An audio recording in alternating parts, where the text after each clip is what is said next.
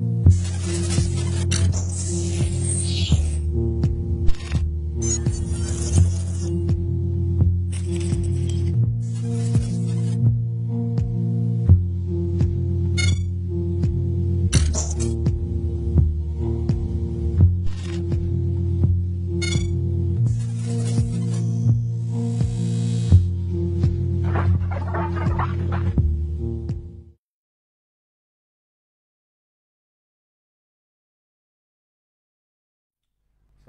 ხო? სალამი ნიკა. სალამი ხო? დღეს როგორ თავანოსე, ჩემი სტუმარი არის ნიკა კეკუტია. ნიკა კეკუტია ჩემი ძველი მეგობარია, კარგი მეგობარია, ოღონდ Facebook-ზე ლაივში ბოლო რამდენიმე დღეა რაც ნახე და მინდა რომ რაღაცნაირად ერთად აყურებელთან ერთად გავის. და გაცნობა დავიწყე ცოტა ხნის წინ, რამოდენიმე წუთის წინ რაღაცა თავის ამბებს მიყვებოდა და მაგრამ გავაგრძელებთ, იმიტომ რომ ძალიან საინტერესოა. ნიკა არის ერთ-ერთი გირჩის მსხვილი შემომწირველების რეიტინგში იჩთებოდა. მე Facebook-ზე ხშირად ჯგუფში წერდა ხოლმე ესეთ რაღაცებს, რაც ყურადღებას იქცევდა, მათ შორის დაატრიგერა ლომინაძეების მახსოვს და პირველ ადგილზე გაიყარა. მოკლედ ნიკას ამბებიდან აი ესეთი მხარდამჭერი და პარტნიორი მინდა გავიცნოთ ყველამ ერთად. ნიკა აა შენი ისტორიას როგორ მოყვებოდა გირჩამდე რა მოგიყვანა როგორ მოხვედი აი ეს ეს ამბავი ყველას აქვს უნიკალური და ყველა რაღაცებს ყובה ხოლმე. ეხლა რასაც მე და შენ ლაპარაკობდით გადაცემამდე, მგონია რომ საინტერესო ამბავს ამბავი შეგიძლია მოგვიყვე. სალამი ვახო, მადლობა მოწვევისთვის. მოკლედ, ისტორია იყო ეგეთი. აზროვნება რომ დავიწყეთ, ხო მაგას გეუბნებოდი, ფიქრი რაღაც ვცდილობდი რომ რომელიმე კონკრეტულ ჯგუფთან გამოიგივებინა თავი მაწრეში ყოფილიყავი, რომელიც რაღაცის შეცვლას ვცდილობდა ყოველთვის. უკეთესობისკენ. ხო, ანუ პრობლემას რაც რეალურ პრობლემებს რო ხედავდი, ვცდილობდი რომ რაღაცა შემეწოლა. მარტო შეცვლის უნარიც რო არ მქონდა, მაგასაც ხვდებოდი, თან ბავშვი ვიყავი, თან მარტო ამ ხელა პრობლემებს ვერ შევეჭიდებოდი. პირველი იყო ეკლესია. მივედი ეკლესიაში, თან საკმაოდ სწრაფად ვესტიქარი ჩამოცვეს, დიდი ხანი ვიყავი საკმაოდ ეკლესიაში. ჩემ ეკლესიაში რამდენი წლის იყავი ეკლესიაში რომ ხო? ეკლესიაში რომ მივედი საკმაოდ გვიან, ანუ ბავშვი არ ვიყავი, სადღაც ვიყავი ალბათ 15-14 წლის ვიყავი, იქ რო გადავწყვიტე რომ იქ რაღაცა შეიძლებოდა რომ მეპოვა გამოსავალი რაღაც პრობლემების. მაკედან 2014 წლამდე ვიყავი ეკლესიის აქტიური წევრი. იმდენად აქტიური წევრი, რომ როგორც გითხარი, 13 მაისის აქციაზე ვიდექი, მაგრამ არავისთვის ხელი არ დამირყავს. პირიქით ვცდილობდი, რომ ჩემთვის არ დაერტყავინოს და ჭადარს ავეფარე. 2014 წლის მერე, როდესაც ეკლესიას თითქმის მთლიანად დავშორდი, იმიტომ რომ ძალიან ბევრი პრობლემები მქონდა ჩემთაოთან და იმ ადამიანებთან, ვინც იქ იყვნენ ჩემ გვერდით. როცა რაც კითხობს ვამდი რაღაც მომენტში მაპაუზებდნენ რომ ამის იქი ჩემ ფიქრი არ შეგიძლია და როგორი არის საკუთარ თავთან მარტო რჩები და გინდა რაღაცაზე იფიქრო და ვიღაცა გეუბნება რომ შენ არა იგრენერეთ ანუ ეგ ძალიან უცნაური არის რომ ანუ სინამდვილეში ხო ეგ ისეთი ადგილია, სადაც ადამიანების ანუ აბა სხვა რა უნდა გავაკეთო. ხო, აი უფრო მეტსაც გეტყვი, რომ არიან ვიღაცეები, ვინც თავიანთი მრევლის წევრებს უკრძალავენ сахарების წაკითხვას. რას მელობა რა? ხო, ანუ რეალურად ეგრე ხდება, რომ შენ მაგისთვის არ ხარ მზად და შეიძლება რომ რაღაც სხვაგან წახვიდე. ანუ ამ რაღაც აბსურდული მოტივებით უკრძალავენ сахарების წაკითხვას და არის ეგეთი მომენტები, რომ ფიქრებში გაპაუზებენ, რომ რაღაც ციტატები მოყავთ ვიღაც ალბათ არ ვიცი გამოგონილი ციტატები არის იმიტომ რომ ისბერები მაგას არ ითხოდნენ არასოდეს რომ შენ ამის იგი და არის ფიქრო და მე ამ ეკლესიიდან წამოსვლის მე მქონდა ძალიან დიდი წყვეტა ფიქრი ბრძოლის პერიოდები საკუთარ თავთან სად შეიძლება და ყოფილიყავი რა იყო ჩემი ცხოვრების აზრი. ანუ არ მინდოდა რომ რაღაც რახან დავიბადე არ მინდოდა რომ უკვალოდ ჩამევლო ამ ცხოვრებაში რა. მე გიპოვეთ თქვენ? გვიპოვე რა ანუ აღმოგაჩინეთ რაც გირჩი დაფუძნდა პოლიტიკური პარტია თან მირიანთან ადრიდან 2013-დან მეგობრობ აქო წამოვიდა მაკედონიაში ხო. ნიკა ქავთარაძე ანუ ისეთ ფეისი იყო მაგ პერიოდში ნიკა ქავთარაძე აქ იყო როგორც ვიცი და მოგაქციეთ ყურადღება. მაინტერესებდა რატო გაგინებდნენ ყოველთვის მაგრამ თქვენ თქვენსაც აკეთებდით ისევ ანუ ორი კითხვა დაუსვით თავს რომ ერთი რატო აგინებენ და თუ აგინებენ ეს ხალხი რატო აკეთებს ანუ გიჟები ხო არ არიან რომ გინება უხარია? დედის გინება და მე დავფიქრდი ბევრ რაღაცაში გეწენა აუნდაგებოდით თავიდან.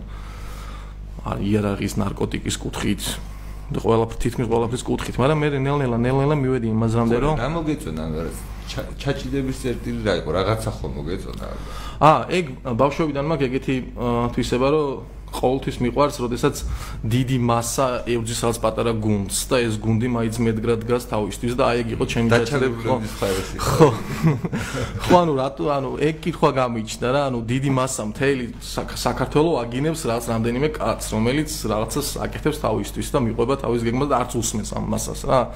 აკეთებს თავის საკეთებელს რაც მიაჩნია რომ არის სწორი და რეალურად მე მეც როგორც აღმოჩინე ეს იყო სწორი და არის კიდევაც სწორი რასაც თქვენ აკეთებთ ამ შემთხვევაში რა. ისე აღმოჩინეთ თქვენ და იმის მერე რა ვიცი, ვარა აქ.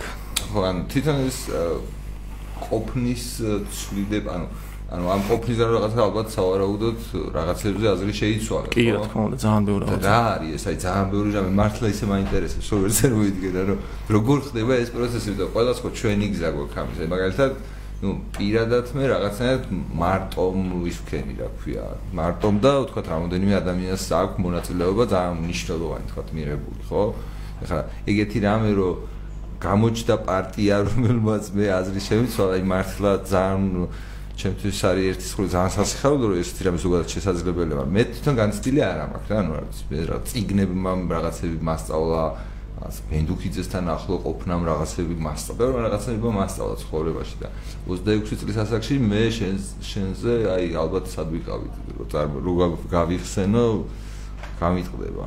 ხო ანუ პირველ რიგში მასწავ ანუ ბევრი რაცა შეცვალა იქიდან გამომდინარე რომ მე გავიაზრე რომ მე ვარ თავისუფალი ადამიანი.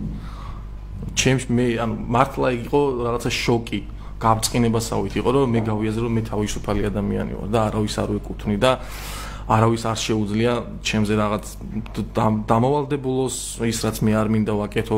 გავიაზრე ის რომ კერძო საკუთრება არის კერძო საკუთრება და ასე შემდეგ. ყველაფერი წამოვიდა თავისუფლების იდეიდან რომ ადამიანი არის თავისუფალი და თავისუფალ ადამიანს აქ უფლება აკეთოს ყველაფერი ის თუ მე შენ არ დაგაზიანებ რაღაცით ან მე შემიძლია ვიჯდი აქ მაგრამ არ შემიძლია რომ დაგიმტრიო ეს მიკროფონი ან ასე შემდეგ. აი თავისუფლების იდეის გავწყინება აი მაგალითად წარმოვიდგინე რომ აი თუნდაც ხო ადამიანების გასაგებად რომ გამოვიყენოთ ეს მაგალითი ხო ეს ხო თითქოს ძალიან ბუნებრივია, რომ რა ვიცი, რაღაც სხვა სხვა ადამიანს კარგად უნდა მოექცე, თუ გინდა რომ შენც კარგად მოგექცნენ. იგივე რაღაცა შენ ეკლესიაში ყოფნის განმავლობაში სხვა რა მორალი უნდა ისწავლოს ადამიანმა, თუ არა ეს მორალია რა. ანუ რეალურად ახლა შეიძლება სხვა საკითხი წვერებიანი ბაბუის გჯერა თუ არა, მაგრამ მორალი ხო ქრისტიანული გვაქვს. ანუ ან ეგ არის მე ისე დავიწყე საუბარი შეიძლება ბევრ სეკუნდს რომ ტერი ვარ, არანაირად ტერი არა ვარ, იმიტომ რომ ის რაც მე სახარებით მაშინ ვისწავლე, რომ ადამიანები თავისუფალი და ასე შემდეგ, არის იგივე მორალი, რაც დღეს გიჩს აქვს, რომ ადამიანი ყოველგვარი ჩვენ თავისუფალი და თავის თავს თვითონ განაგებს და არავინ არ არის სხვა მისი ბატონი ამ შემთხვევაში, მაგრამ იქ რო ვიყავი, მაშინ ეგ მორალი დამახინჯებული იყო ძალიან მნიშვნელოვნად აი ძალიან ძალიან ცუდად იყო გაგებული ადამიანის თავისუფლება და აი, აბა რენერად შეიძლება ეს მორალი გაიგო, ანუ სხვანაირად როგორ როგორ ხსნიდი? ან მათ შორის აი საკუთარ თავს როგორ ხსნიდი? როცა ეკლესიაში იყავი სანამ ამაზე ფიქს დაიწყებდი აბა სხვა რა გზა არის?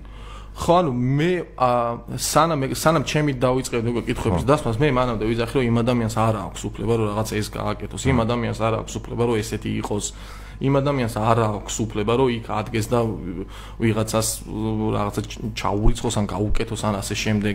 იყოს თუნდაც განსხვავებული ორიენტაციის იყოს თუნდაც სხვა რელიგიის ან ეკეთოს საყურე ან თმაქონდე შეღებილი ან აი ეგეთ მინიმალისტურ არაფრის მომცემ ან გარეგნულ გარეგნულ ფაქტორებს აპროტესტებს ხო არავინ ხო. ანუ შიგნით არავინ არ იხედებოდა ადამიანი როგორ იყო და ასე შემდეგ ან ადამიანს რისი უფლება ჰქონდა. ეგ არავის არ აინტერესებდა ძირითადად ვიყავით მეც ვიყავი მათ შორის ამგზალავი მანქანის ერთ-ერთ ჭანჭიკები რა. მატრიცაში ვარ ტიპები რო არიან ანუ ამგზალავი მანქანის ჭანჭიკები ვიყავით თელი სამოდელოებიდან დაწყებული სტიქაროსნები მრევლი და ასე შემდეგ და ძალიან იშვიათად იყო ხოლმე თუ ვინმე გამოანათებდა ცოტა ნათელი გონებით ან წავიდოდა ან რჩებოდა ხოლმე და რაღაცებს იქ ეწინააღმდეგებოდა და მე ამაზე მიდიოდა დიდი კამათი რომ ამას განიკითხავდნენ და ასე შემდეგ. ანუ თავიანთ მორალს ეწინააღმდეგებოდნენ შიგნიდანვე რა. ეგ იყო ჩემთვის ერთი შემთხვევა მქონდა მე რაც შეხვედრაზე დავსვი ცოტა ესეთი კითხვა და ყველა დამიწყო ანუ ყაყანი ჩაოლებრად უსმენით დანაჩენს ყველას ვინც ყველა გამოსვლელს მე რაღაც ცოტა სხვანაირი კითხვა დავსვი ყველა ყაყანდა და მეთქი ხო პრინციპში რის იმედი მქონდა ქრისტეს არ უსმენდნენ თქო და მე ვინ ვარ თქვენ რომ მომისმინოთ თქო რაღაცა ცოტა ესეთი ცუდი რეაქცია მოახდინა და იმის შემდეგ ვაფშე გამომაგდეს იქიდან აღარც მიხსულანი იმის დარბაზებში კი, ნუ თული წარმოსადგენია, როდესაც თქვა შენ აზროვნებას იწყავდა თუ არ მოყვებიან, სასიამოვნოც არ არის ეს ადამიანებთან უბრალოდ ურთიერთობა ყველაფერს და დაანებ, ხო?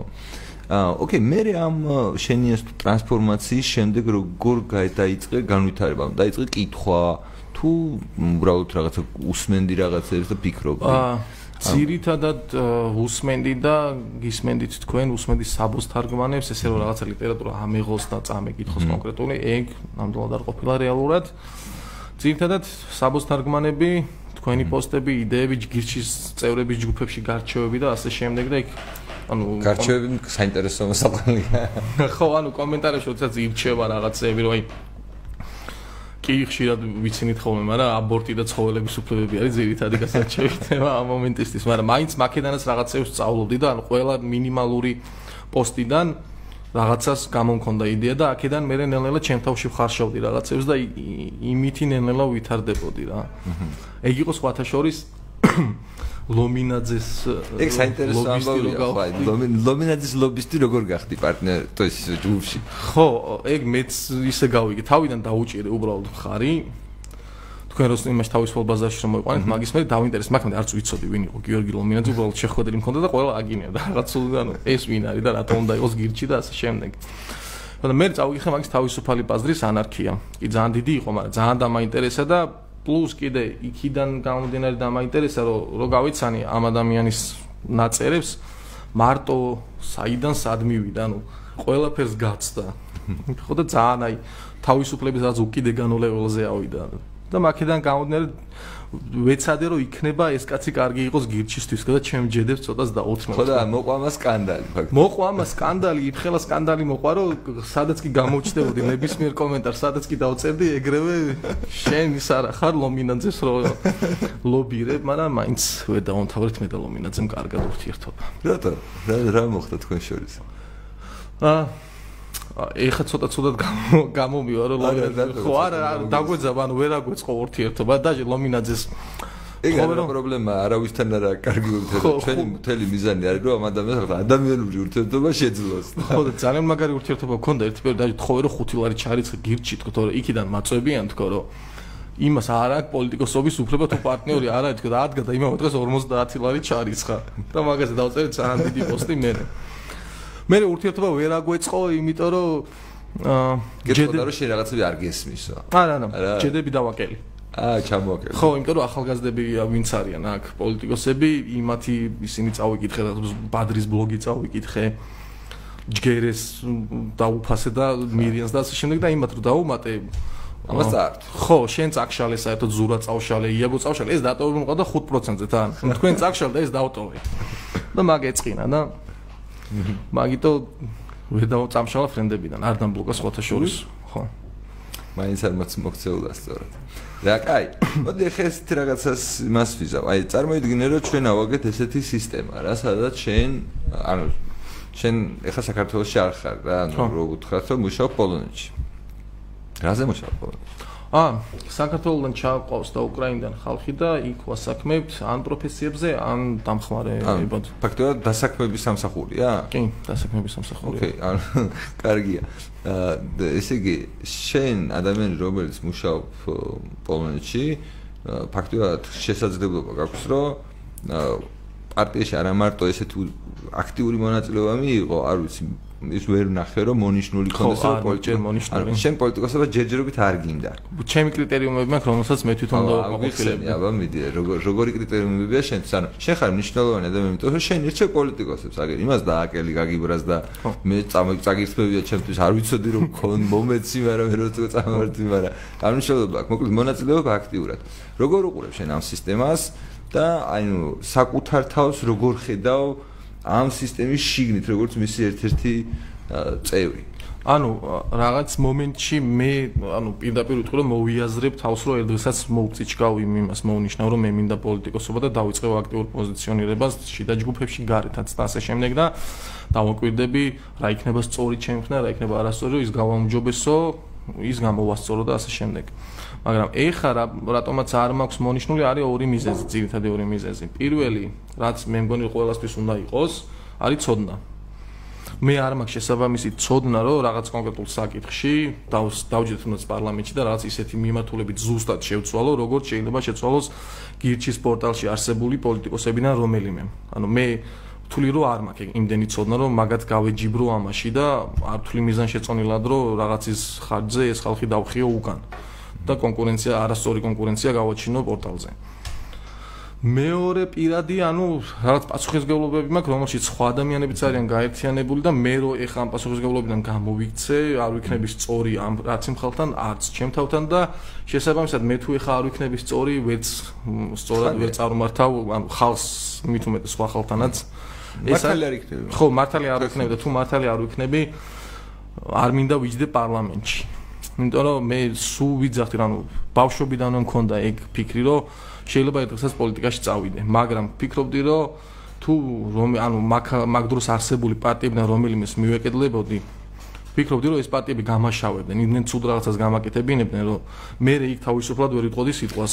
ეხლა გირჩი ხო, აი რა საინტერესო როგორ უყურებენ ადამიანები პოლიტიკას, რომ იქ რაღაცა ისეთი ისეთი ცუდი რამეა და სინამდვილეში მიხვდეთ იმისა, რომ შენ ახლა რო კითხო, რას გულისხმობ მე შეიძლება კონკრეტულად ვერ დამისახელო, რას გულისხმობ, მაგრამ სინამდვილეში მართალი ხარ. ხო ანუ მე ვფიქრობდი რომ შეიძლება და იქ ისე გავეშავებინეთ რომ მე მე პარლამენტის ტრიბუნიდან სიმართლეს ვერ ვილაპარაკებდი. და ვერ ვიქნებოდი მართალი მაგრამ ეხა გირჩი მე არ მჭირდება რაც პოლიტიკური წარსული მქონდეს რომ რაღაც მაღალ თანამდებობაზე ანუ პარლამენტში მოვხვდე ანუ შემიძლია აბსოლუტურად სუფთა წარსულით ვიყო დღესაც პარლამენტარი და ეგ არის ძალიან მაგარი ამ პორტალის თავიდან ბოლომდე რის ვისაც ჭირდება რომ ის ორი კრიტერიუმი ორი კრიტერიუმი საკმაყოფილო და გამოურიცხე აა ბევრი არა 21000 თუ რაღაც ეგეთი. აჰა.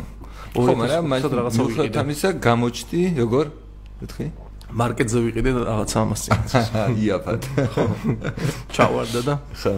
ანუ მიუხედავად ამისა, შენ რაღაცნაირად გამოჩდი და ყურადღება მივაქცე, რომ ტოპ შემომწირველებში იყავი რომელიღაც თვეში. ხო, თუ რომელი რა არის ხოლმე мотивация ხა მე მართლა არც ერთი პარტიისთვის ფული კი არა რას ლაპარაკობ? ანუ ვერც კი წარმომედგინა რომ ვინმესთვის მე ფულს მივცემდი რა ჩემი ცხოვრების განმავლობაში და ანუ ეგეც ჩემი ბედნიერების ერთ-ერთი წყაროა როცა ხედავ რომ ადამიანები ამას აკეთებენ რა.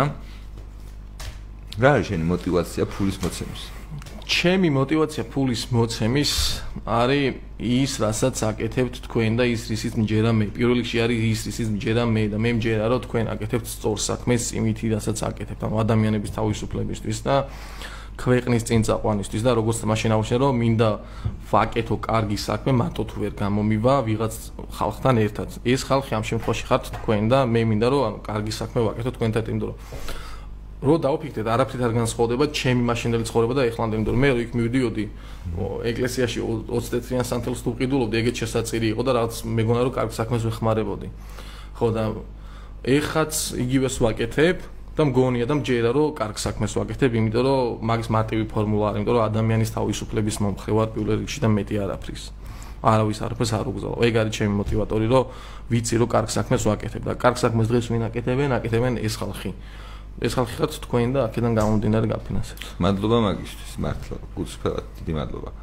ნიკა, მმ, აი შენთვის რა არის, ანუ მაგალითად ჩვენ რაღაცებს ვაკეთებთ და თქვა ფიქრობთ ეს მანა შეჭირებით ეს პარტნიორებთან არ ანუ არ შეგვითანხმებია რომ ჩვენ ამას ფიქრობთ და ეხლა მართალი გითხრა ვინც არ უნდა რაც არ უნდა მითხრას, მაინც საკუთარი აზრი თუ არ გადამარწმუნა რა, თუ რაღაც არგუმენტები არ მომიტანა, ძალიან რთულია რომ შეიცვალო, ხო?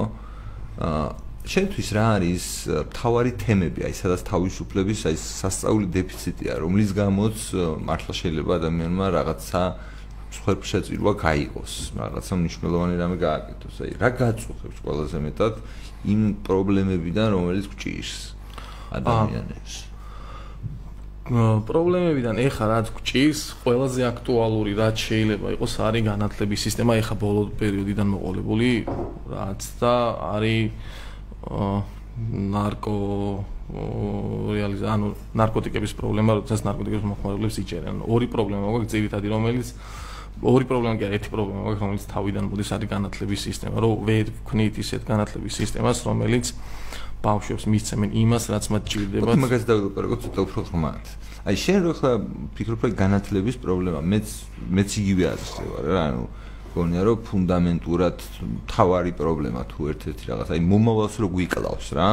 ანუ მე ესე ვალაგებ ხოლმე და ხშირად ლაპარაკობ ამას, რომ რა, ბევრჯერაც ვიტყვი რომ ეს არის ჩემი რა თავარი იდეა, რომ წარსული გვაქვს წართმეული, იმიტომ რომ რაღაც მემკვიდრეობას არ გვაძლევენ ვიღაც ანუ სიგიჟის გამო, ანუ მემკვიდრეობას არ ვიბრუნებთ. და მთელი ეს საკუთრება ვიღაცისთვის გვაქვს მიცემული, ღატაკ ხალხს. აწმყოში საკუთარი თავი არ გვეკუთვნის, იმიტომ რომ ვიღაცა შეუძლია მართლა მოგაშარდინოს. აი, ისე რომ არავის წინაშე დავნაშავი არ იყოს, სრული ასე თქვა, რა ვიცი, ჩაულებრივი ადამიანი იყო, ანუ საკუთარ თავი არ გიკუთვნის. და ეს ჯანდაბას მომავალს გიკლავენ. ანუ საკუთარ შვილებს ხალხს ართმევენ და სრული ინდოქტრინაციისთვის წირავენ შობლები, რომლებიც საერთოდ არ ფიქრობენ რეალურად რა პროცესში იღებენ მონაწილეობას და რას მართებენ საკუთარ შვილებს. რომ მათ არ იფიქრონ არასოდეს, როგორც ეკლესიაში მიყვებოდი ახლა. ეს ორივე სისტემა ხო ერთი სისტემის მემკვიდრეობაა.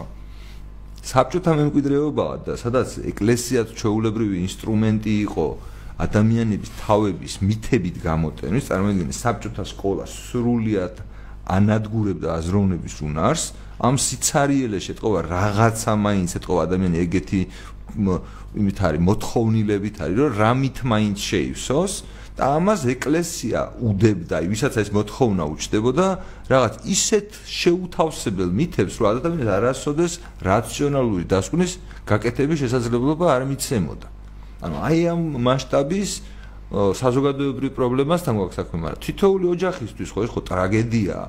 ანუ იგივე მაგალითად რაც შენ მომიყევი წერან საკუთარ თავზე. ეს ხო უამრავი ბავშვის, უამრავი ოჯახის გზა არის, რომელსაც ზოგს გავლილი აქვს, ზოგი ეხლა გადის, ზოგი კიდე გაივლის ამ გზას.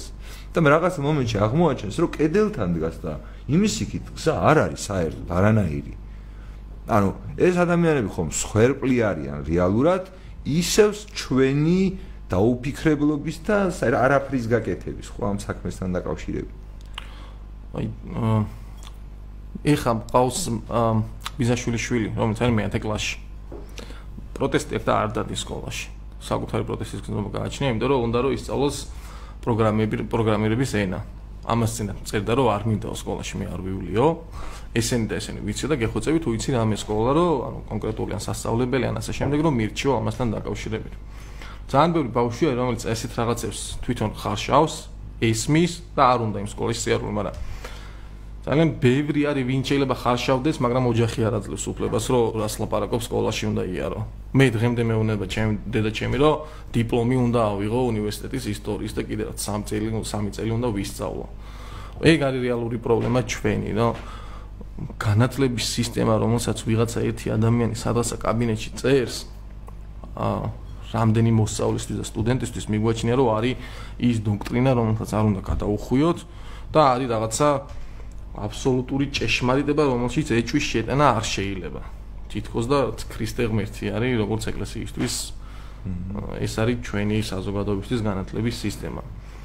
მე პირადად განათლების სისტემამ რაც მომცა აუ შეიძლება ჩემი რომელიმე მასწავლებელი მიყურებდეს. მართლა მადლობელი ვარ ბევრი რაღაცისთვის, მაგრამ იყო პრობლემა ჩემ თავში, რომ როდესაც უკვე მერვე მე-9 მე-10 კლასში, ანუ ამ კლასებში როცა ვიყავი, მე გავზარმაცდი სკოლაში. ვიყავი ძალიან კარგი მოსწავლე. მაგრამ ანუ სკოლაში მივიდოდი, მეუბნებოდნენ რომ შენგან არ მინდა მოყოლა, იმიტომ რომ ვიცი რომ იცი.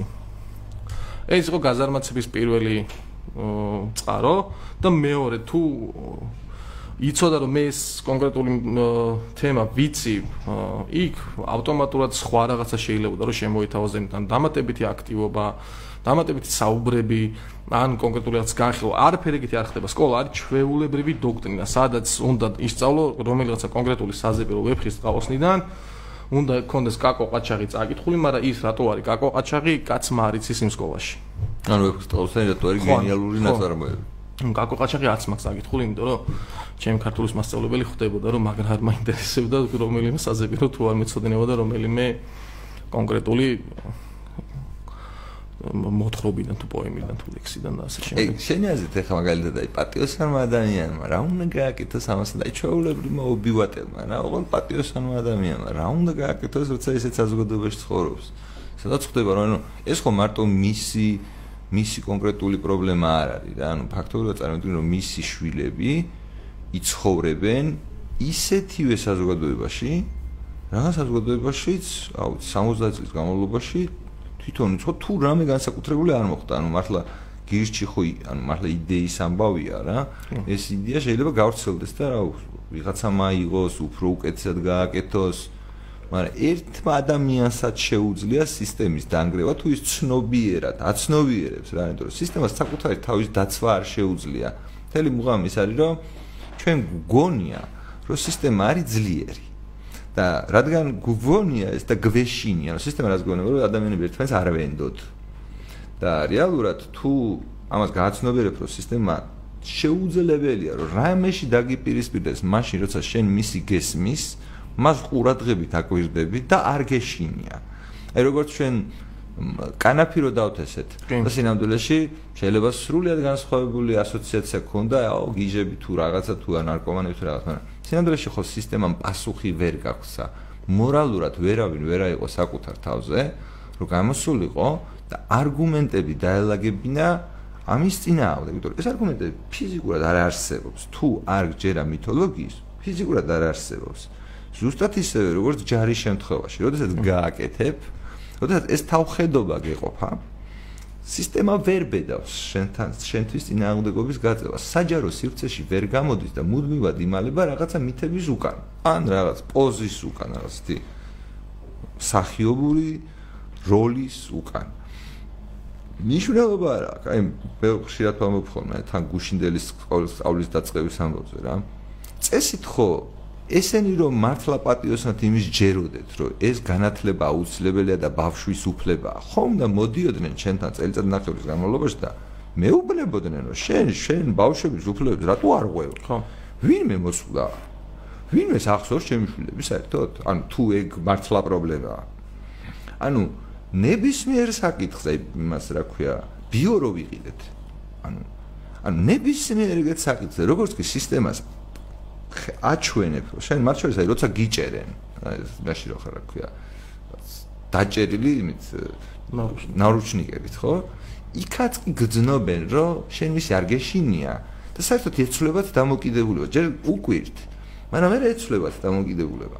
ნები ან წარმოიდგინე რომ ეგეთი ადამიანები ვიყოთ ბევრი. არა 2000 ახლა მე წეგამ ლაპარაკობთ რომ 2000-ნი ვართ ხო? 2000 ადამიანი ვისაც რამე გაუკეთებია ამისთვის. ხო თქვა უნდა მასშტაბი განსხვავებული იქნება თქვა წმენის მონაწილეობის რაღაც მაგრამ როგორც მინიმუმ ამ ქვეყანაში უკვე აღმოჩნდით 2000 ყოფილი მონა მოდი ასე ვთქვა რა. ანუ საბოლოო ჯამში ხო ყველა ესე ვიქნებით მეცხოვრობისგან ვიყავი იმ მდგომარეობაში რაშიც შენიყავი ცოტა ხნის წინ და მე შენზე ბევრად დიდი ხანი ვიყავი მაგ მდგომარეობაში. საბჭოთა კავშირში საბჭოთა კავშირში საბჭოთა კავშირში ცხოვრობდი. მე რა ქვია როდის მივხვდი რომ საერთოდ რა ხდებოდა ჩემს გარშემო? მე მილიონი ამბავია ხო ესეთი ესეთი უცნაური. მაგრამ ერთ ადამიანს შეუძლია რომ სისტემას დედა უტიროს. აი მაგაზე გამახსენდა ხ სხვათა შორის, ანუ ბიო რო იყიდეთ, ეგ ხო ჯგუფური თემა იყო, მარიხონა რო დაარკეთო, ეგეც ჯგუფური თემა იყო. ინდივიდი შენ ხო შენი ბავშვები ხო სკოლიდან გამოიყონ და აღარ ატარებ და კიდე ერთი მახსენდება. აუ არ ვიცი არ მახსოვს საცხოვროს უბრალოდ სამტრედია თუ წყალდობ თუ რაც ეგეთი კონსტანტინე ედიბერიძე მუსიკებს რო ასმენინებს ჩაკუჩა ხო მუსიკებს რო ასმენინებს თავის მარიხუანას. პოლიცია მოვიდა. მარიხუანა წაიღო ამის სახნა რამდენიმე ძირი და პატრულს ანუ პატრულს დაურეკა ისე რომ ჩემი კერძო საკუთრებაო გამინადგურეს და ესე დამიტოვეს და უკან დამიბრუნეთ ანუ. საჯაროება ძალიან დიდი რამეა. ხო ანუ ადამიანი არის არის შინია სისტემის და იცის რომ ვერაფერსაც ვერ უზამენ რეალურად ამის გამო. აი ეგეთი ადამიანები ბევრი უნდა გამოჩნდნენ რომ რეალურად სისტემა ვერაფერს ვერ დაუშავეს მაგრამ ჩემი ფიქრით ჩემი აზრით ადამიანებს აქვთ რაც ფიქრის პრობლემა კი არა, უბრალოდ თვითგადარჩენის ისეთი ინსტინქტი, რომლის რომლის დროსაც არ ჩებათ რაღაც სხვა რაღაცების ის ფიქრის დრო, ან არ არც უნდა სხვა რაღაცებზე იფიქრონ. მე ხედავ ამას ძირითადად რეგიონებში უფრო. კი, ეგ რეგიონებში ბევრად უფრო მძიმე პრობლემაა, იმიტომ რომ ინტერნეტი არ აქვს და ანუ ღარიბები არიან. პრობლემა რა არის, რომ ისინი არიან 6-ჯერ ღარიბები ქალაქში მაცხოვრებლებს წარმოიდგინეთ. ჯაფარამ რო დაწერა მასენად, პენსიონერი დადის იმის აქციაზე, ვინაშვილის აქციაზე ხაზავს ივანიშვილსო და მაგინებს მეო და ანუ. ხო და ანუ სინამდვილეში ეგ თავარი პრობლემა არის სიღარიბე, რომელიც აი ამ დამოკიდებულებას აჩენს, იმიტომ რომ ერთადერთი გამოდის, რომ შენ მოკლევადიან პერსპექტივაში დამოკიდებული ხარ არა შენს თანამოქალაქეზე, ვისთანაც თანამშრომლობით შეიძლება კეთილდღეობას მიაღწია, რა, დამოკიდებული ხარ სისტემაზე, რომელიც შენს თანამოქალაქეს რაღაცას წაართვევს შენთვის მოსაცემად. ეს ეს პრობლემა არის მოკლევა თუ არ გააგებინე თუ აი მნიშვნელოვანი ღირებულება არ გადაეცი ხო აი ხოჩი აი ეგ იყო ერთ-ერთი რაც არ მომწონდა გირჩი, მაგრამ ბოლომდე ვერ საყვედურობდი, იმიტომ რომ რესურსი არ იყო ფიზიკურად, ანუ რეგიონებში. რა ანუ თავიდან აი თქვა ეგ პროცესიც რო მოგვიყვე რა, როცა აი შენ უკვე რაღაცნაირად მოგეწონა უკვე გირჩი შემოხვედი, მაგრამ ჩხუბობდი.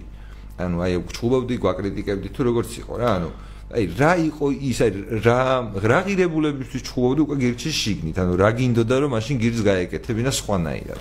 აა მე გირჩი ჩხუბი არ დამიწყია თავიდან რომ შემოდი იმიტომ რომ ხო კამად და კამად აქტიურობა გულის აქტიურ დისკუსიაში ჩართვა არ დამიწყია რაღაც პერიოდი იმიტომ რომ ჯერ გისმენდით და ვეცნობოდი რა იყო და როგორ იყო და მე ნელ-ნელა რო გავიაზრე ცირთადად კამათობდი იმაზე რომ რაღაც საკითხებში ისე პოზიციონირებდით რომელიც ხმას გვაკარგინებდა ანუ რა იგულისხმება ხმის დაკარგვინებაში? ანუ ვიღაც ამორჩევლებს ვიღაცის ხმებს კარგავდით რეალურად ანუ ბევრი წერს კიდევაც Facebook-ზე რომ მე ამათ ხმა მივეცი, მაგრამ მე ხა აღარ მივცემ ხმას უშინაც და პოსტა ერთ-ერთმა აქტივისტმა სირცხვილი ასე. სხვადასხვა მიზეზების გამოწერი. ხო, სხვადასხვა მიზეზების გამოწერი, მაგრამ რეალურად მე ამაზე რომ ჩხუბობდი, მე რომ დაუფიქრდი რეალურად ეს იყო იმ ადამიანების ასთითიდან გამოწოვილი მიზეზი, რის გამოც ცდილობდნენ საკუთარი და ანუ გირჩ ხო ჩამოყალიბდა ისეთ ორგანიზაციად ამ ბოლო პერიოდში ვიღაც ტიპებისთვის, რომ თუ ჩვენ თავს დაგვესმებიან, ჩვენ იმდენად პოპულარულები ვართ და ფაქტია ეს არის, რომ ჩვენ თუ თავს დაგვესმებიან, რაღაც მომენტში ისინი პოპულარულები გაიჩიტებენ და თვალში საცემი იქნებიან თავიანთი ბაბლისტვის და ძირითადად ამისთვის აკეთებენ ჩვენზე თავდასხმას მე ეგრე ვფიქრობ უკვე თქო და ის ამაზე რომ ჩხუბობდი რომ მასე ნოიქცევი და ეგეთ რაღაცებს მოლაპარაკობთ იმიტომ რომ იმ ხალხში ხმალს კარგავთ მაშინ არ იყოს სწორი იმიტომ რომ რომელი ადამიანებიც გამოდენებ ამბობდი ის ადამიანები არ არიან თვითონ მართალი და ნუ სწორი ადამიანები რომ ის რასაც ამბობენ იმაზე პასუხს ვერ აგებენ თავიანთ ნათქვამზე ვერ აგებენ პასუხს და მაგ ადამიანების გამო გეჩხუბებოდით რეალურად თქვენ და გეკამათებოდით თქვენ. ეხლა ვფიქრობ არასწორი იყო თქვენ. ხო, ანუ მეც მაგ ჭუაზე დიდი ხანი ვიყავ. არა მარტო შენ შენ ან ძალიან ბევრი ადამიანი მაგას საყვედურობდა. კი, მეც ანუ მეც მაგათ ვიყავი აყოლილი, მაგრამ ეგენი არ არიან გულწრფელი ადამიანები, რომლებიც საკუთარ სიტყვაზე პასუხს აგებენ. არა, შეიძლება გულწრფელები არიან მაგაში, რომ კეთილი სურვილის პონჩი ანუ ხო შედეგი უნდათ რა და შედეგი არ ვიცი ჩვენ გვაგინებს ისინი არ არიან? ხო ეგენი კი რა თქმა უნდა ჩვენ ჩვენიანებიც მაგალითად დაინდოს გია ჯაფარიძე იყო უმრად ჩვენთან და ზუსტად დაახლოებით ანალოგიური შენ აი დარწმუნებულია სანდრო თარხანმოურავი რომ მოვა ისიც ანალოგიურ შენიშვნას სიტყვის რამეს გავს მაგალითად პოსტი ამას წინა წევრებში კი ჯაფარიძე რო ყავდათ გია რომ მაშინ ჩხუბობდი რომ სანამ თავს ანუ არ გაუხსნე ადამიანებს და არ ჩაუდებ ესე მანამდე ვერ გაიგებენ ეს ერბილი არა უბრალოდ წარმოიდგინე რომ ჩვენ ხო ძალიან მცირე რესურსი გვაქვს რომ სიტუაციაზე აკადემიურ ფორმატში მივიქციოთ ყურადღება. ჩვენ რომ იმდენი ფული გქონდეს რომ მაგათ რაღაც რომ პოპულარულ რუსთავი ორზე შეგვეძლოს ხარ პოპულარული როცა იყო რუსთავი ორი შეგვეძლოს რომ ჩვეულებრივად ადამიანებს ველაპარაკოთ შეიძლება და სხვა მოცემულობა ყოფილიყო. მაგრამ როცა გაქვს სიტუაცია, როდესაც შენ მარტო Facebook-ის და თქვა ინტერნეტის მეშვეობით შეიძლება მიწდე ადამიანებს, მაშინ მართლა უნდა მიიქციო რაღაც რაღაცით ყურადღება რა. ეს რაღაცით ყურადღების მიიქცევის ყველაზე ისეთი საშუალება დავინახეთ სიმართლის თქმა რაღაცა წავე ფორმით, მოდი ასე თქვა. ანუ მაგ სიმართლის თქმა რა თქმა უნდა უამრავი სხვა ფორმითაც შეიძლება. მაგრამ აა თუ სტანდარტულ სიტყვებს გაიგებენ სტანდარტული ადამიანები, ისინი ჩვეულებრივად ერთ ყურში შეუშვებენ და მეორე ყურში გამოუშვებენ, მაგრამ თუ რაღაცა მოხდა, რაღაცა უცნაური პირველად მოისმინეს, რაღაცა როგორც მინიმუმ და შეყოვლდებიან რა და დაფიქრდნენ შეიძლება ამის მერე გაგინონ რაღაც მაგრამ ყოველთვის ჩარჩებათ რომ ვიღაცამ განსხვავებული რაღაცა უთხრა განსხვავებული ფორმით უთხრა და შენი მიზანი თუ არ არის ამ ადამიანებს შეურაცხყოფა, არამედ ამიტომ იმიტომ გააკეთე ეს ამბობი, რომ აა ვიღაცა დაგეფიქრებინა, რაღაც მომენტში აი როგორ თვითონ ეს ადამიანები რომელიც როდესაც გაგინებდნენ და შეიძლება მადლიერი დაგჩნენ. და ეს არის შენი ამომრჩეველი ფაქტიურად, ანუ შეუძლებელი მგონია მე რომ ჩვენნაირ ჯგუფს ადამიანების აი როგორც რაღაც რაც ქარიზმატულ ლიდერს რო ეძახიან, ხო იცი, რაღაც მიშა რო იყო, ამას ზვიადი რო იყო, ანუ ესეთი ადამიანები, რომლებიც უბრალოდ რაღაცას გაყვირიან, უაზრად გაყვირიან, მაგრამ მზრუნველის იმიჯი აქვთ რა ვიღაცაზე ზრუნავენ რაღაც. ფაქტობრივად საბჭოთა კავშირში იყო ხო საბჭოთა კავშირში მთელი რაღაც ხალხი იყო სისტემის საზრუნავი. ანუ სისტემას ერთი უფროსი ყავს ყოველთვის რა და ნუ ახლა სტალინი იქნება მიშა იქნება თუ ბიზინა იქნება შინაარსი არ იცვლება. ანუ ვიღაცაზე უნდა იზრუნო და ის იზრუნო ნიშნავს რომ ვიღაც თავისუფალი არ უნდა იყოს. ახლა ბავშვზე რატო ზრუნავ იმიტომ რომ იმას იმხელა თავისუფლებას არ აძლევს რომ თავი მოიკლას ხო? ან რამე დაიშალოს. მაგიტომ ზრუნავ ბავშვზე. და როცა დიდ ადამიანებზე გადაგაკ იგივე მოდელი რომ შენ ეს ბავშვები ვით არიან სულელები არიან აზზე არ არიან არაფრის და მე უნდა ვიზრუნო. ეს იმას ნიშნავს რომ ამ ადამიანებს უკლავ რაიმე შეცდომის ანუ შესაბამისად სწავლის საშუალება და თუ სწავლის საშუალებას არ მიწევენ იდიოტები რჩებიან უბრალოდ. სკოლაც ეგ არის რეალურად. და დანარჩენი ცხოვრებაც ეგ არის არაფერ განსხვავდება რა ხო აი ეგ მომენტია და მგონია რომ ეგ არ იყო შეცდომა. ანუ მიუხედავად იმისა, მგონია რომ არ იყო შეცდომა.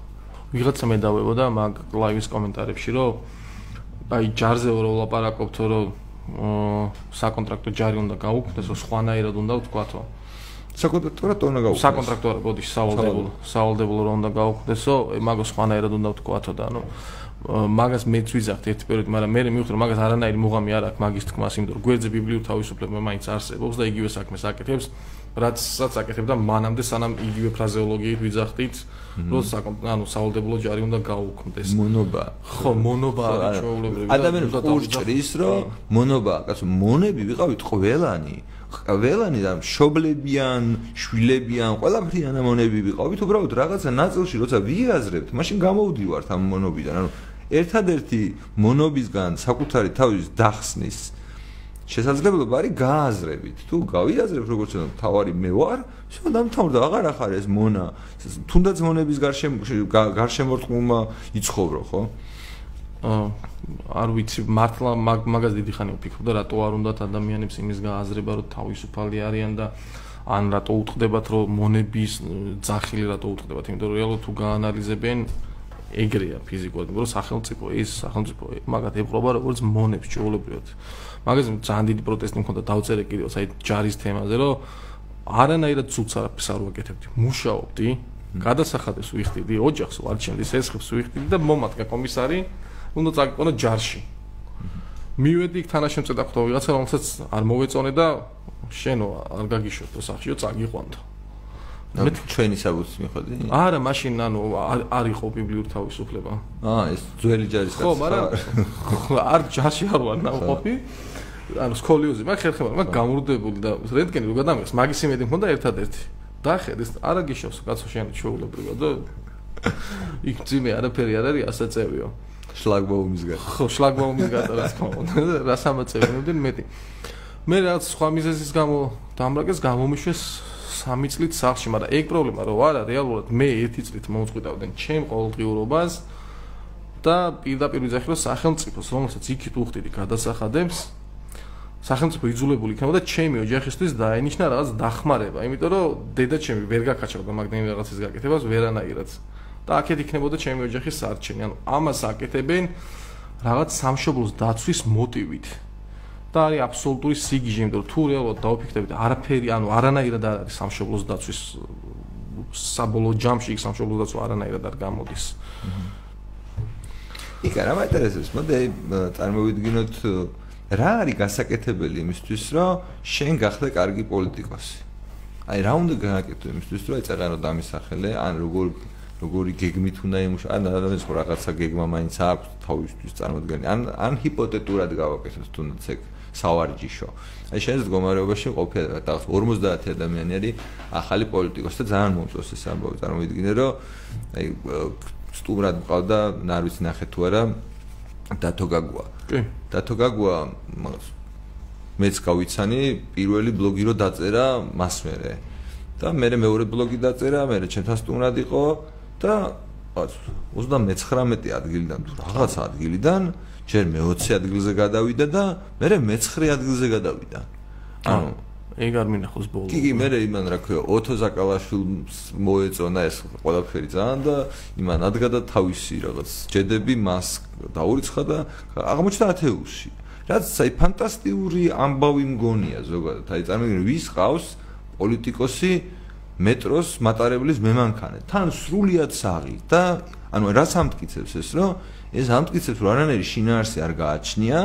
შენ ამ წამს რა პროფესიის ხარ და ზოგადად აი მინისტრობასაც შინაარსი არ გააჩნია არაფერი. ანუ ღირებულებებია საჭირო და არა დარგის სპეციალისტობა. თუ დარგის სპეციალისტზე ძებს, ესე იგი შენ აკეთებ საბჭოთა კავშირს და შენ თუ მინისტრად ღირებულების ადამიან ღირებულებით ეძებ ადამიანს შენ სხვა რაღაცაზე ზრუნავ თავისუფლებაზე შეიძლება ზრუნავ ან რაღაც სხვა რაღაცა გინდოდეს მაგრამ ეს кейსი არის მართლა რაღაცა ესეთი პრეცედენტული ამბავია. წარმოიდგინე რომ და თუსაც იგივე განცდა აქ რომ მასაც ცოდნა აკლია, მანაც რაღაც უნდა გააკეთოს ამისთვის.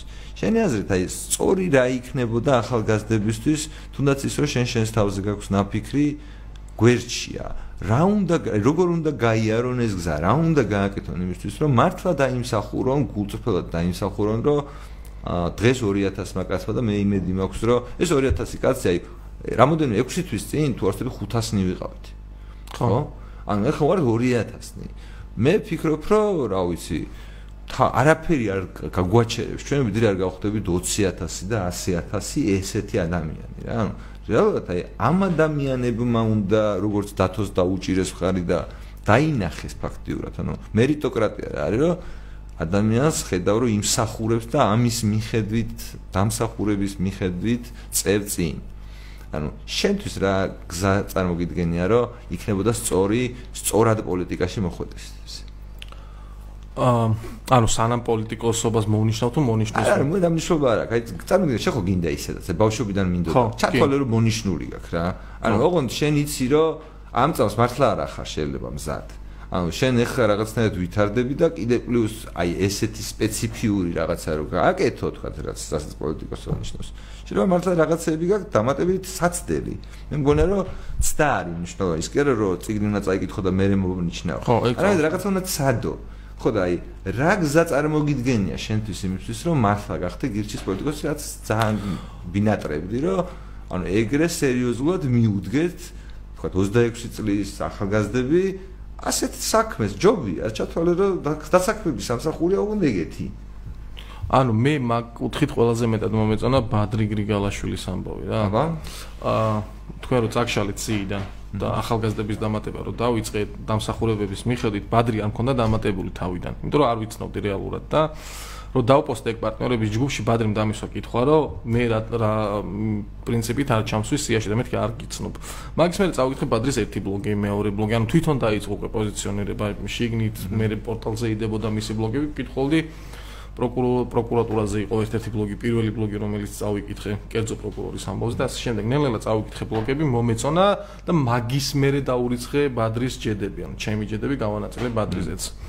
იგივე მქონდა როკოზეც, როკოს საერთოდ არ ვიცნობდი, აქ გავიცანე ველაპარაკეთ და მერე დაურიცხე როკოსაც. მე მგონია რომ პოლიტიკოსად რო ჩამოყალიბდეს ადამიანი, ანუ უნდა დაიწყოს რაც კონკრეტული სახის სახის პოზიციონირება, იმიტომ რომ შეიძლება ჩვენ ყველა ვფიქრობთ, რომ ადამიანი თავისუფალი არის, ადამიანი არ კერძო საკუთრება. და აი როგორ უნდა დაუდასტუროთ, რომ მაგალითად აი 50 კაცი და შენ რო ხარ უკეთესი, აი რა არის კრიტერიუმი, რომლითაც ვადასტურებთ, რომ მართლა, ну რაღაც ვიმსახურებთ რა?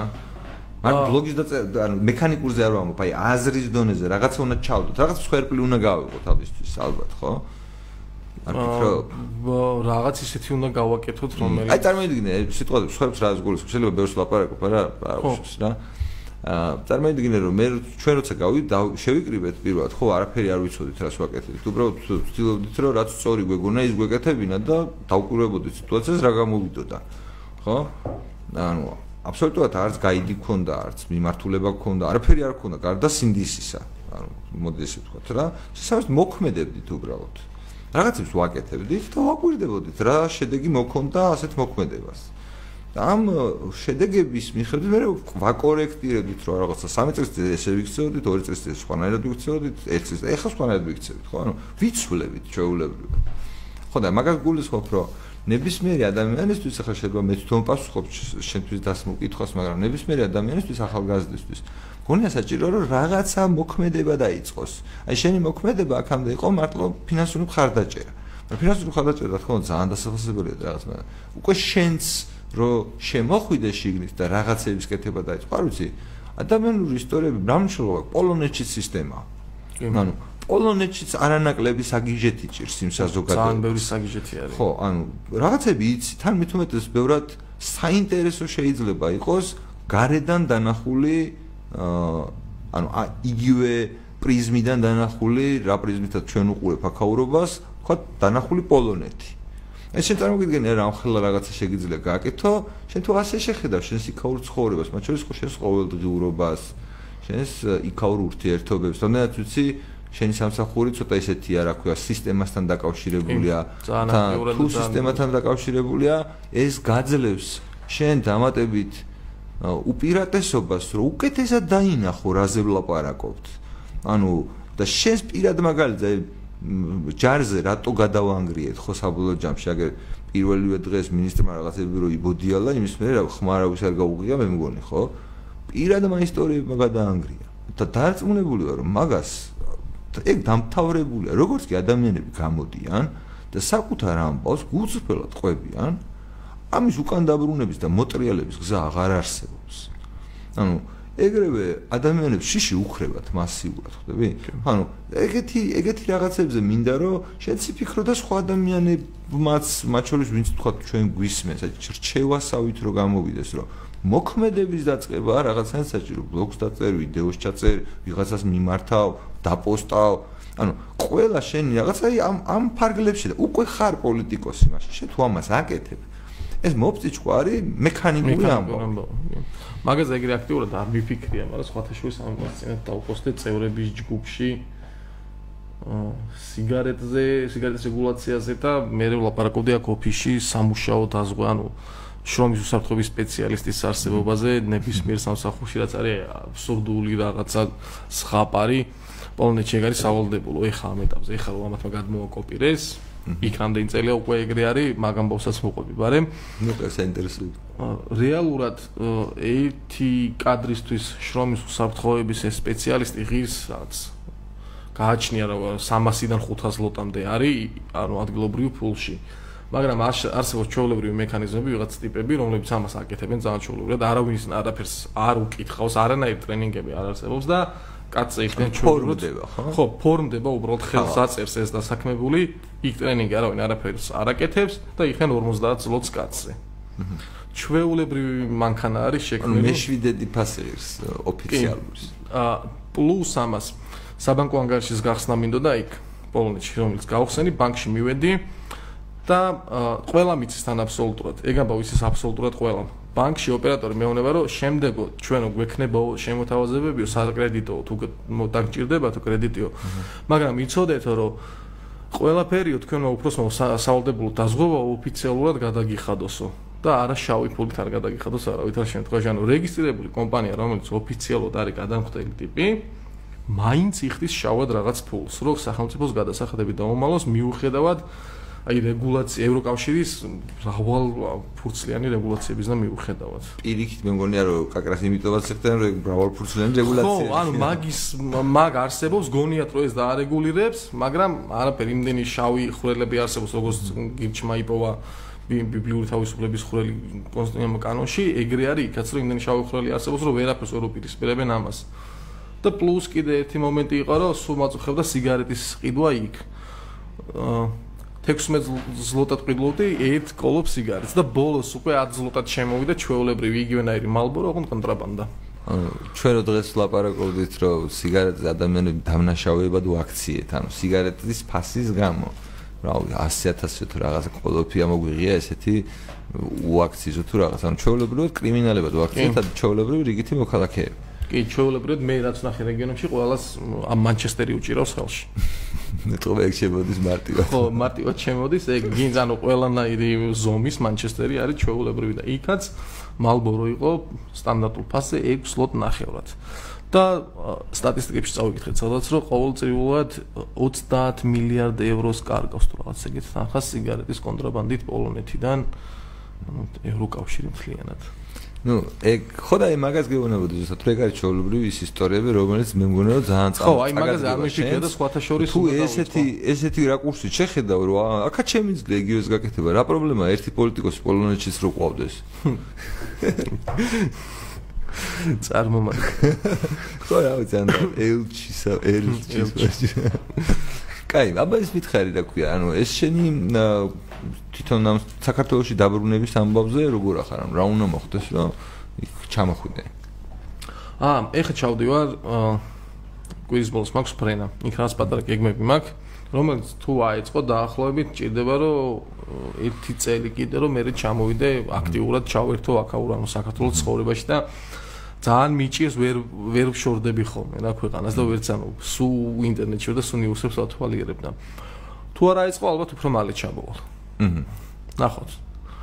ის მინდა რომ აეწყოს რომ უფრო კარგად ჩამოვიდე მაგრამ რაღაც მომენტში ის მინდა რომ მალე ჩამოვიდე. გასაგები. ანუ როგორც მინიმუმ რაღაც რაღაც კონკრეტული გეგმები მაქვს რომელიც თუ აეწყობა ძალიან კარგი იქნება. ან შეფაქტო დამსაქმებელი ხარ ხო? სხვა ადამიანებს ასაქმებ იქ? კი.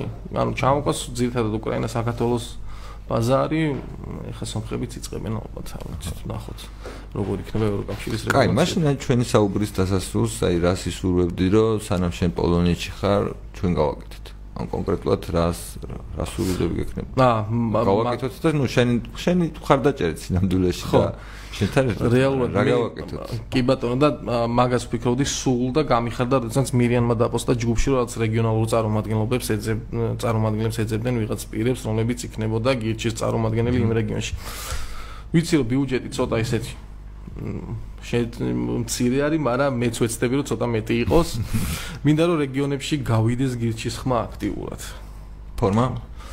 თუნდაც ანუ პატარა მცირე ოფისები ან ლაპარაკი ადამიანთან ხალხთან ლაპარაკის კუთხით მინდა რომ გავიდეს გირჩი. და ხალხთან ლაპარაკი ბევრად უფრო მარტივი არ არის რომ ონლაინ ცადოთ ანუ ოფისების წარმო წარმოუდგენელი მგონია მაგის ტექნიკურად მაგის გაკეთება და არც მგონია სწორი რო არ მოგატყუო. ხო ნუ და მგონია რომ ალბათ აი ვიცი, შენ რომ მაგალითად ცხოვრობდე ახლა არა პოლონეთში, არამედ ცხოვრობდე მარტოში თუ სალხინოში, გონია რომ შენ ახარ ეგ კაცი.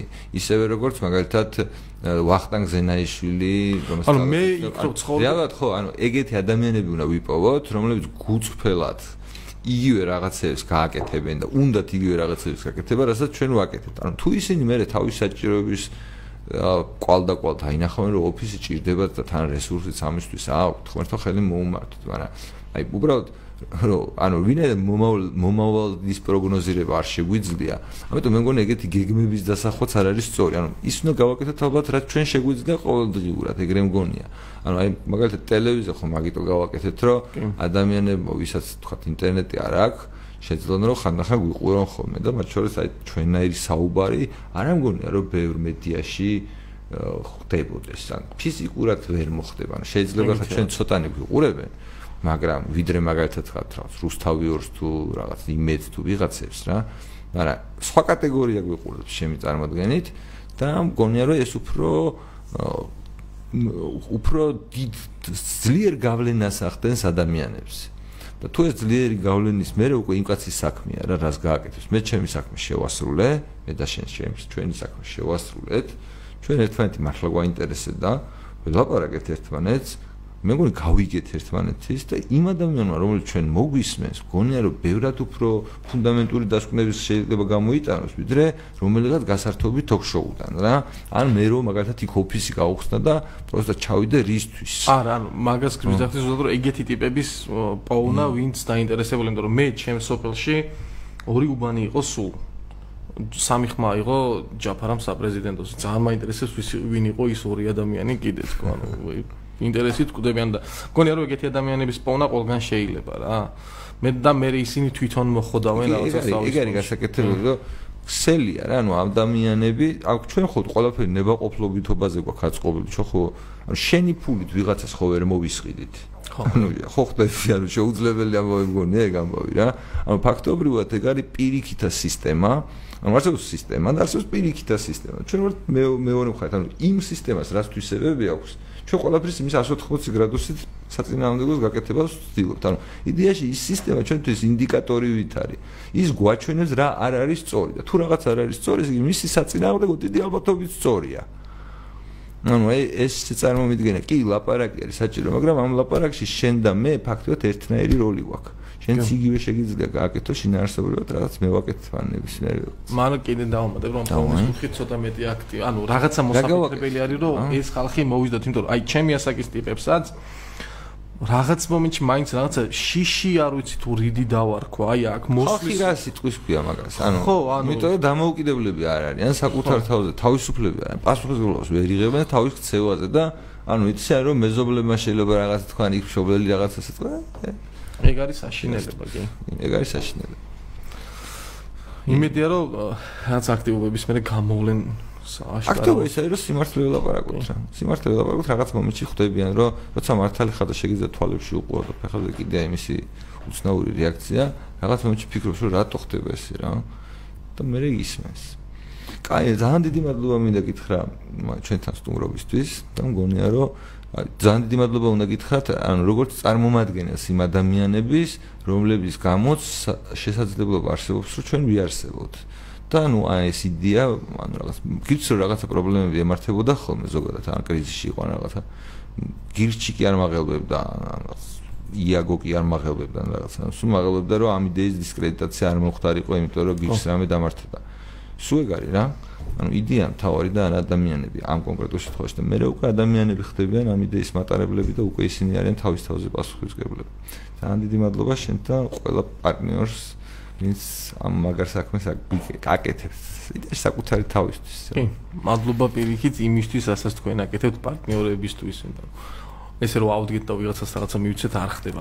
ძალიან თუ ყველა იძახნა რომ ქართულს რაღაცაში ფული გადაახტევნა, ყველაზე რთულია. კაი, რას ლაბარაკობ, ინვესტორად თქვა 18000 ლას ერთ თვეში მოგცემდი, ვიღაცა გვაჩუქებდა, მე ხო ვერ წარმოვიდგენდი რომელი პარტია ამ ქვეყანაში რომელსაც რომელსაც ადამიანებს აკეთო მოახერხო რომ ამ ადამიანებს აჩვენო რომ აი რაღაცას ვაკეთებთ და მე ვდგებით და ჩვენ ვაკეთებთ იმას ალბათ საპირწონე ერთმანეთს საპირწონე დრო დავდოთ თქვენი მხრიდან უფრო მაგარი არის ვიდრე ჩვენი მხრიდან რა. ჯერჯერობით, ჯერჯერობით, ანუ პირიქით უნდა შეიცვალოს პროპორცია. თქვენ აფინანსებთ ახლა გირჩის ხარჯების 40%-ს. ანუ დანარჩენი 60% ძალიან სწრაფად უნდა ვიშოვოთ, იმიტომ რომ 6 თვეში ჩვენ თუ გავა 4 მაგეთ თუ გავა 5 მაგეთ რაღაცები, ანუ იგივე პროპორციით რო წავიდეთ, სხვა ქვეყანა გვექნება მალე.